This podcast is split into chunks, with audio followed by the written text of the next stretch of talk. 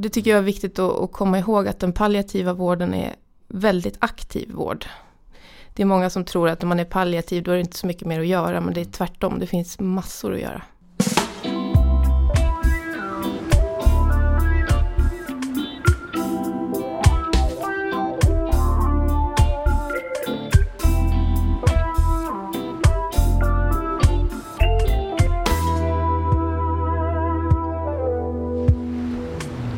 Varmt välkomna till Vårdfrågan, en podd om bättre vård från Praktikertjänst.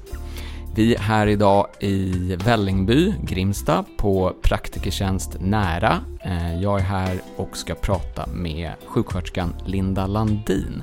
Och vi ska prata om hur det är att jobba med döden. Det ska bli ett väldigt spännande samtal. Varmt välkommen Linda. Jag tänkte faktiskt inleda med att fråga, du som eh, stöter på döden nästan varje dag misstänker jag i en eller annan form. Mm. Vad är din relation till döden? Den har ändrats ganska mycket sedan jag började jobba här. Eh, det är ju en del av livet och det är det ju för alla. Min relation är att, ja, att det är viktigt att finnas där för de som har det svårast. Det är mm. det som är min relation. Och frågor kring döden kommer ju upp varje dag såklart. Men du, eh, i ditt jobb, mm. sjuksköterska, ja. eh, så jobbar ju du med någonting som heter ASIH, mm. avancerad sjukvård i hemmet. Precis. Vad är det? Det är Eh, det är att vi stödjer patienter och lindrar symptom hemma. Vi hjälper dem att kunna stanna kvar hemma. Och vi kan egentligen göra det mesta som de gör på sjukhuset fast vi gör det hemma istället. Och det är ofta väldigt uppskattat av våra patienter och anhöriga och alla runt omkring. Så mm, det är det vi gör.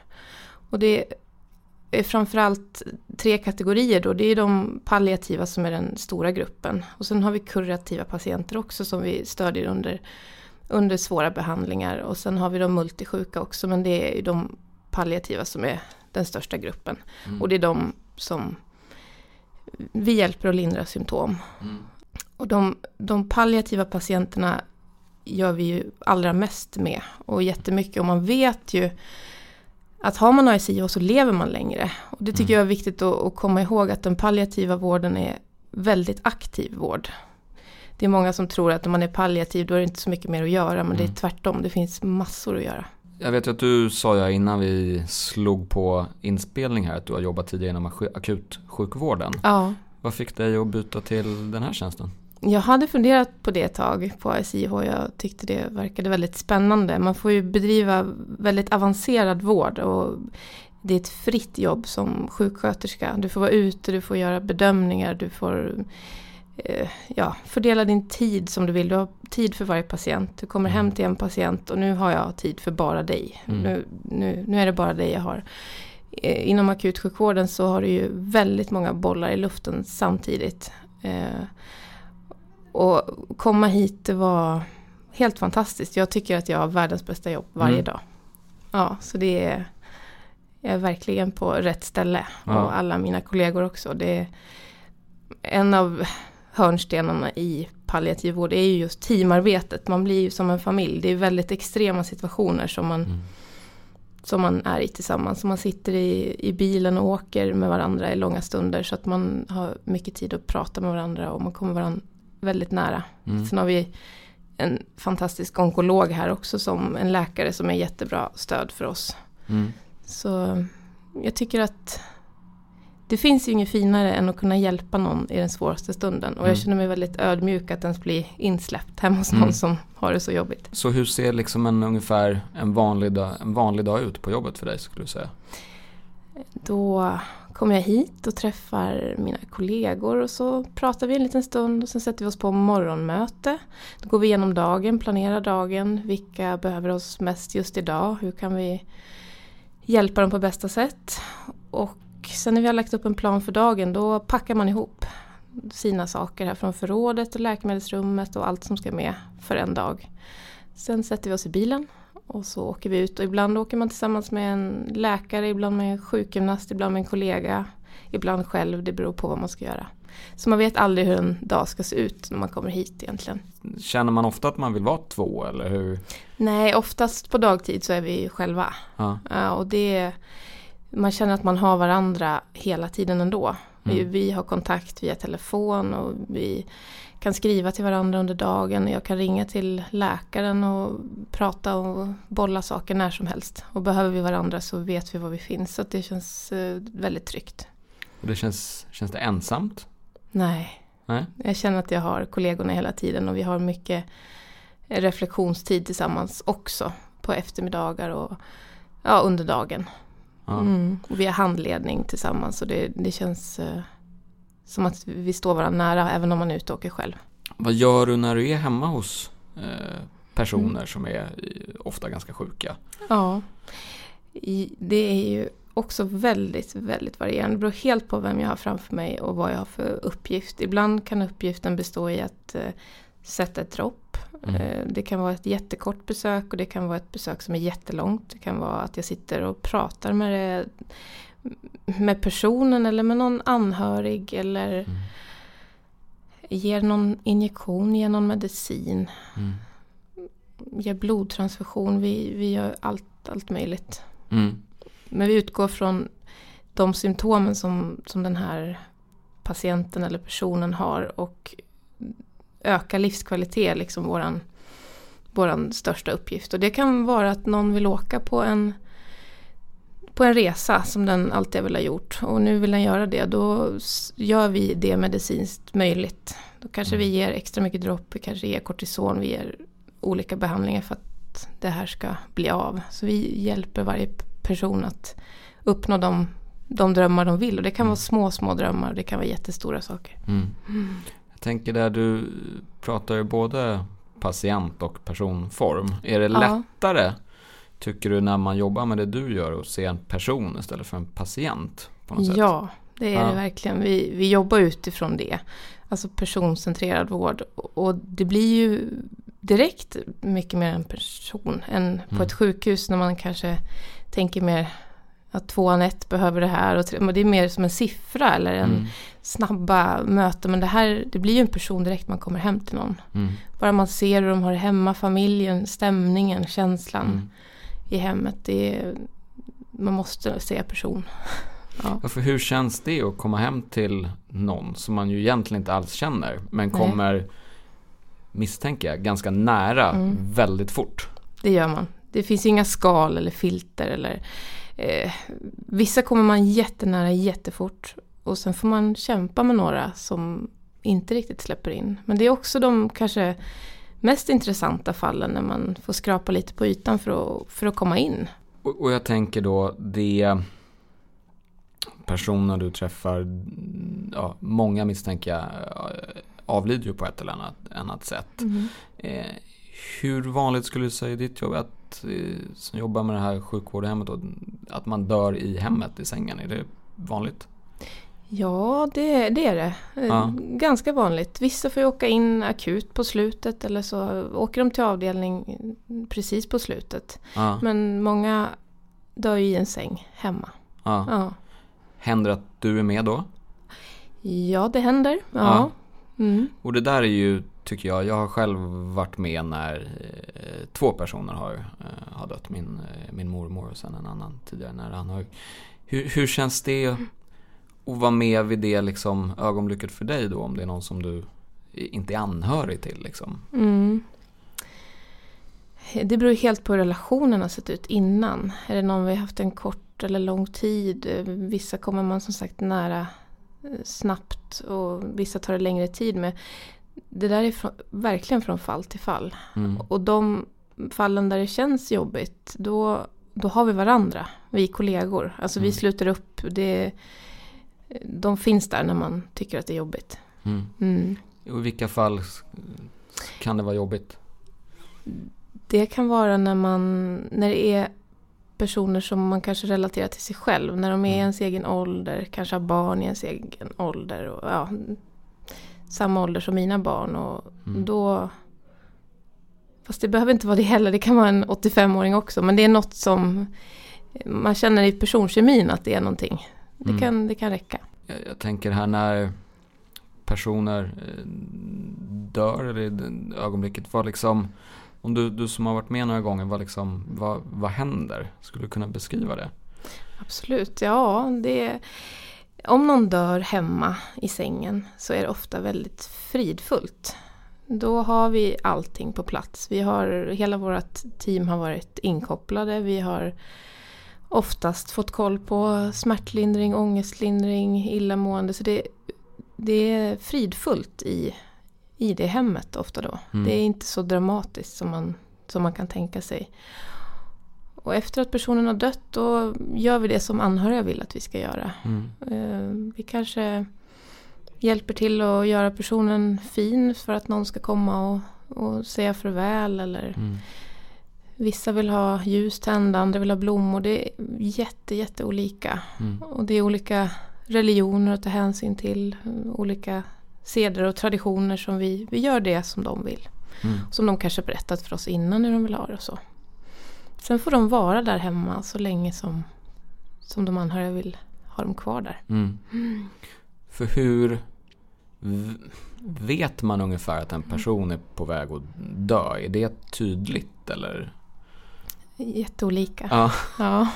Vissa är ju inte väntade så. Nej. Men det är klart, det finns ju olika tecken. Man, man ser ju eh, man, man lär sig att se olika tecken. Det kan ja. vara att andningen förändras och blir oregelbunden eller ja, det finns många olika tecken som, som gör att vi vet att nu är det inte lång tid kvar.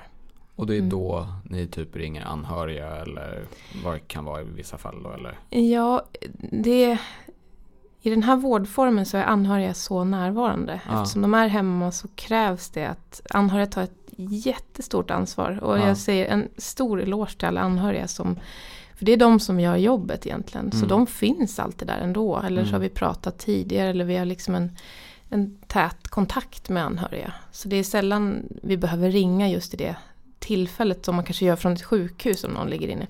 Utan de är med. Det måste vara svårt ändå tycker jag, att hålla sig någonstans kall och hyggligt.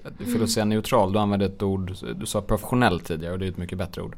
Mm. Eh, I, I sådana situationer, så svårt att inte mm. liksom mm. lyckas med. Hur, hur tacklar man det? Jag tänker att jag är där, om jag till exempel har en anhörig bredvid mig och det precis har hänt att någon har dött eller jag kommer dit och så. Då tänker jag att jag är där för den personens skull och inte mm. för min skull. Mm har man vårdat någon jättelänge och, och fått en jättenära relation då kanske det inte gör så mycket att jag fäller några tårar precis där tillsammans. Det kanske mm. för en anhöriga eh, också är fint. Och ibland är det inte alls passande. Men det, mm. det beror på vem jag har bredvid mig. Så så tacklar jag nog det. Mm. mm. Hur upplever du att anhöriga eller kanske ännu mer patienter eller personer då som är sjuka och ligger inför döden. Hur är man rädd för döden? Mycket mindre än vad jag trodde innan. Ja. ja. Jag själv är mindre rädd för döden nu. Sen du började med, ja. med det här? Ja. ja. Just med det här eller sen du började som sjuksköterska? Nej, ännu mer med det här skulle ja. jag säga. Ja.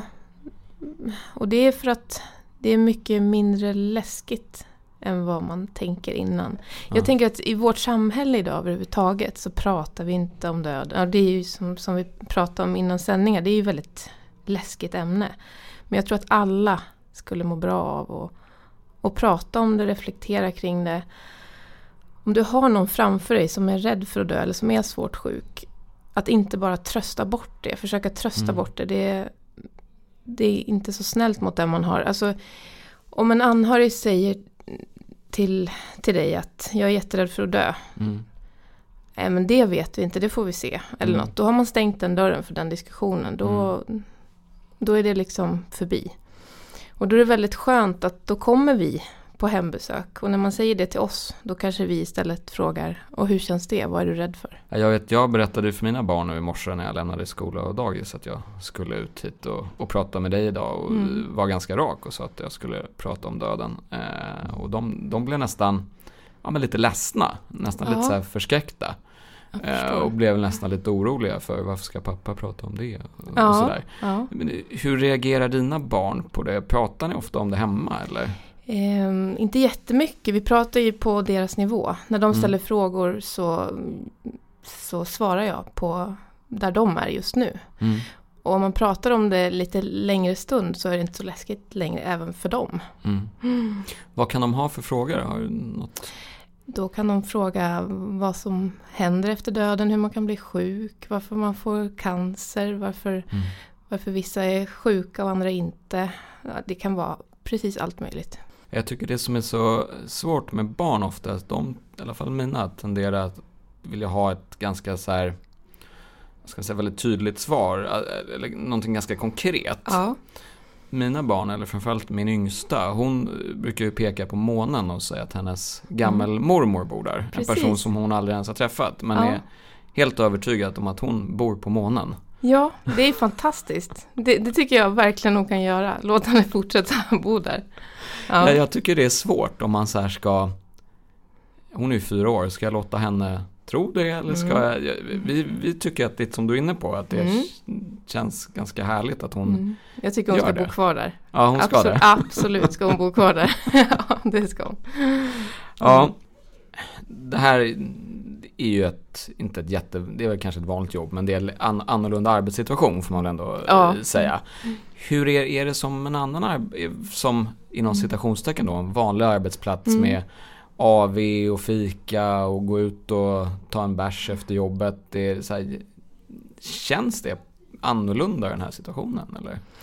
Nej, vet du att det är, det, det är väldigt vanligt och ovanligt. Alltså Ja. vi, vi har AV, vi har fika och väldigt mycket sånt. Ja. Men vi, alltså vi skrattar så mycket på den här arbetsplatsen, man kan Ja. inte tro det.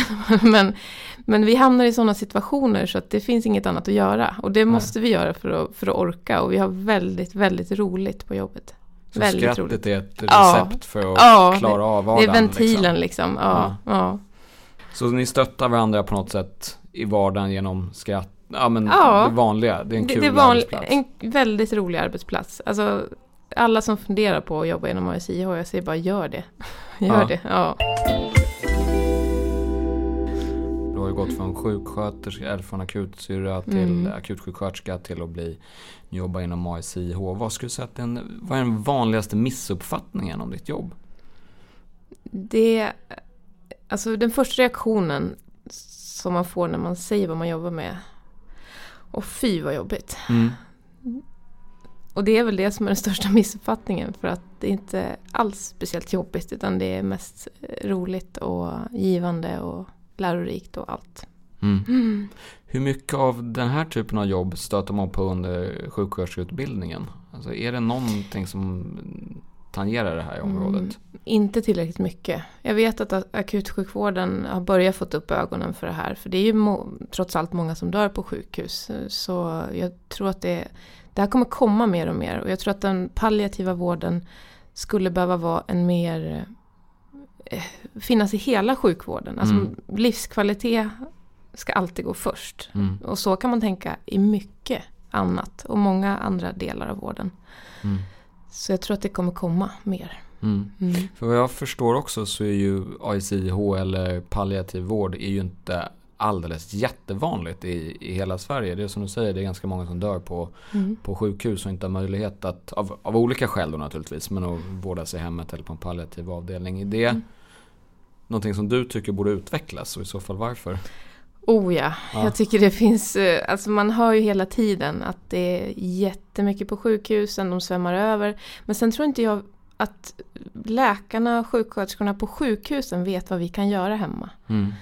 Vi kan göra så mycket mer än vad, än vad folk tror. Och alla vet inte om att vi finns. Mm. Det borde finnas i hela landet. Framförallt också. Mm. Man borde ha samma rätt att få den här vården var man än är. Så jag skulle verkligen vilja att vi fick ännu mer remisser för att vi, Mm. vi finns här och vi kan, vi kan vårda fler. Mm. Och av, avlasta sjukhusen då helt enkelt? Ja. Ja. Mm. Och, och ge en bättre vård tycker jag. Det är mindre risk för infektioner hemma, man får vara i sin hemmiljö. Det finns hur mycket fördelar som helst med att vara hemma när man är sjuk. Ja. Mm.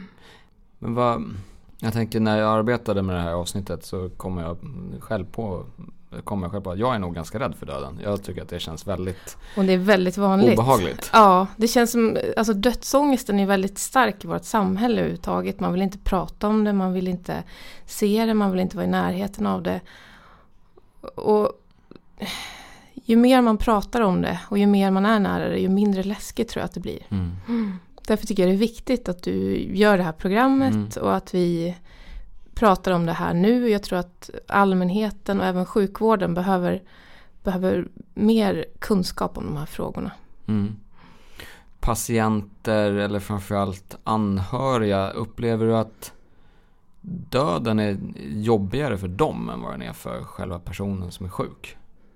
Ja, på det stora hela skulle jag säga att det är så. Självklart också olika men jag, det gör jag för att om man är så sjuk och har det så jobbigt. Jag vet inte om man, om man kan tänka, om du själv kan föreställa dig att du har haft influensa i tre veckor. Det är ju jättejobbigt, man är ju Mm. helt slut. Men om man då har gått kanske med feber, smärta, illamående i kanske flera år. Alltså då, Mm. då, då orkar man liksom inte längre och då Mm. blir det inte lika... Då känns det som kanske att det ska bli skönt till och med att få slippa lidandet. Mm. Men det kan ju inte anhöriga känna. Liksom. Nej, med att patienter eller personer Ja, upplever hur jobbigt de har ja. det. Ja, så... Ja, det, det är nog lite så. Att det är jobbigare för de anhöriga som står bredvid och tittar på. Ja. Är det viktigt för anhöriga att vara med eh, vid det här dödsögonblicket? Alltså dödsögonblicket. Men, Eller i slutet, I slutet, det tror jag absolut. Ja. Jag tror att det är bra att vara med på slutet. Jag tror att det är bra att göra praktiska saker, finnas omkring och håll, eh, prata med någon, de andra anhöriga eller med varandra eller bara hjälpa till och massera eller göra det man kan. Ge Mm. dem lä- läkemedel man kan och fråga oss. Vi pratar ju med, i telefon med anhöriga hela tiden och säger gör så här och då kan ni eh, tvätta så här eller ge råd liksom i telefon till hur man tar hand om Mm. sin anhöriga på slutet. När en person närmar sig slutet, döden och sådär. Vad, är det något särskilt som du tänker såhär, gemene man brukar tänka på, önska, vill göra, ångra? Vad, finns det några sådana där saker som brukar komma upp? Vanligare Ja. än andra? Ja, det är ju... Alltså det svåraste vi har i livet är ju relationer och det är det som kommer upp ofta. Ja. Alltså man vill... Eh, man vill kanske ha en mer nära relation till någon som betyder någonting för en. Mm. Eller ringa den där som man, som man inte har ringt. Eller, eh, det handlar om sådana saker. Fråga också nu när du har jobbat med det här i några, några år. Kan du känna någonstans en... Känner man en större tacksamhet kring livet i stort? Ja. Ja, på, Mm, det gör man. det kanske var en Oh, väldigt ja. ledande fråga, jag vet Ja, inte. det, nej, det är helt sant. Jag upplever det väldigt starkt. Alltså jag kanske kramar mina barn lite hårdare när jag kommer hem och Ja, eh, uppskattar de små sakerna i livet. Kanske mer än de stora. Alltså sitta i soffan med min familj kan vara det bästa istället. Det behöver inte vara så storslaget men de här Nej. små sakerna gör mig väldigt tacksam. Du, det har varit jätteroligt att vara här och framförallt vansinnigt intressant och få reda på mer om palliativ vård och ASIH. eh, Begrepp som jag knappt hade en aning om vad det var för bara två, tre år sedan. Eh, Så jag tycker att vi ska göra vad vi kan för att lyfta den här frågan mer. Tack så mycket för att du, för att jag fick komma hit, Linda. Tack så mycket.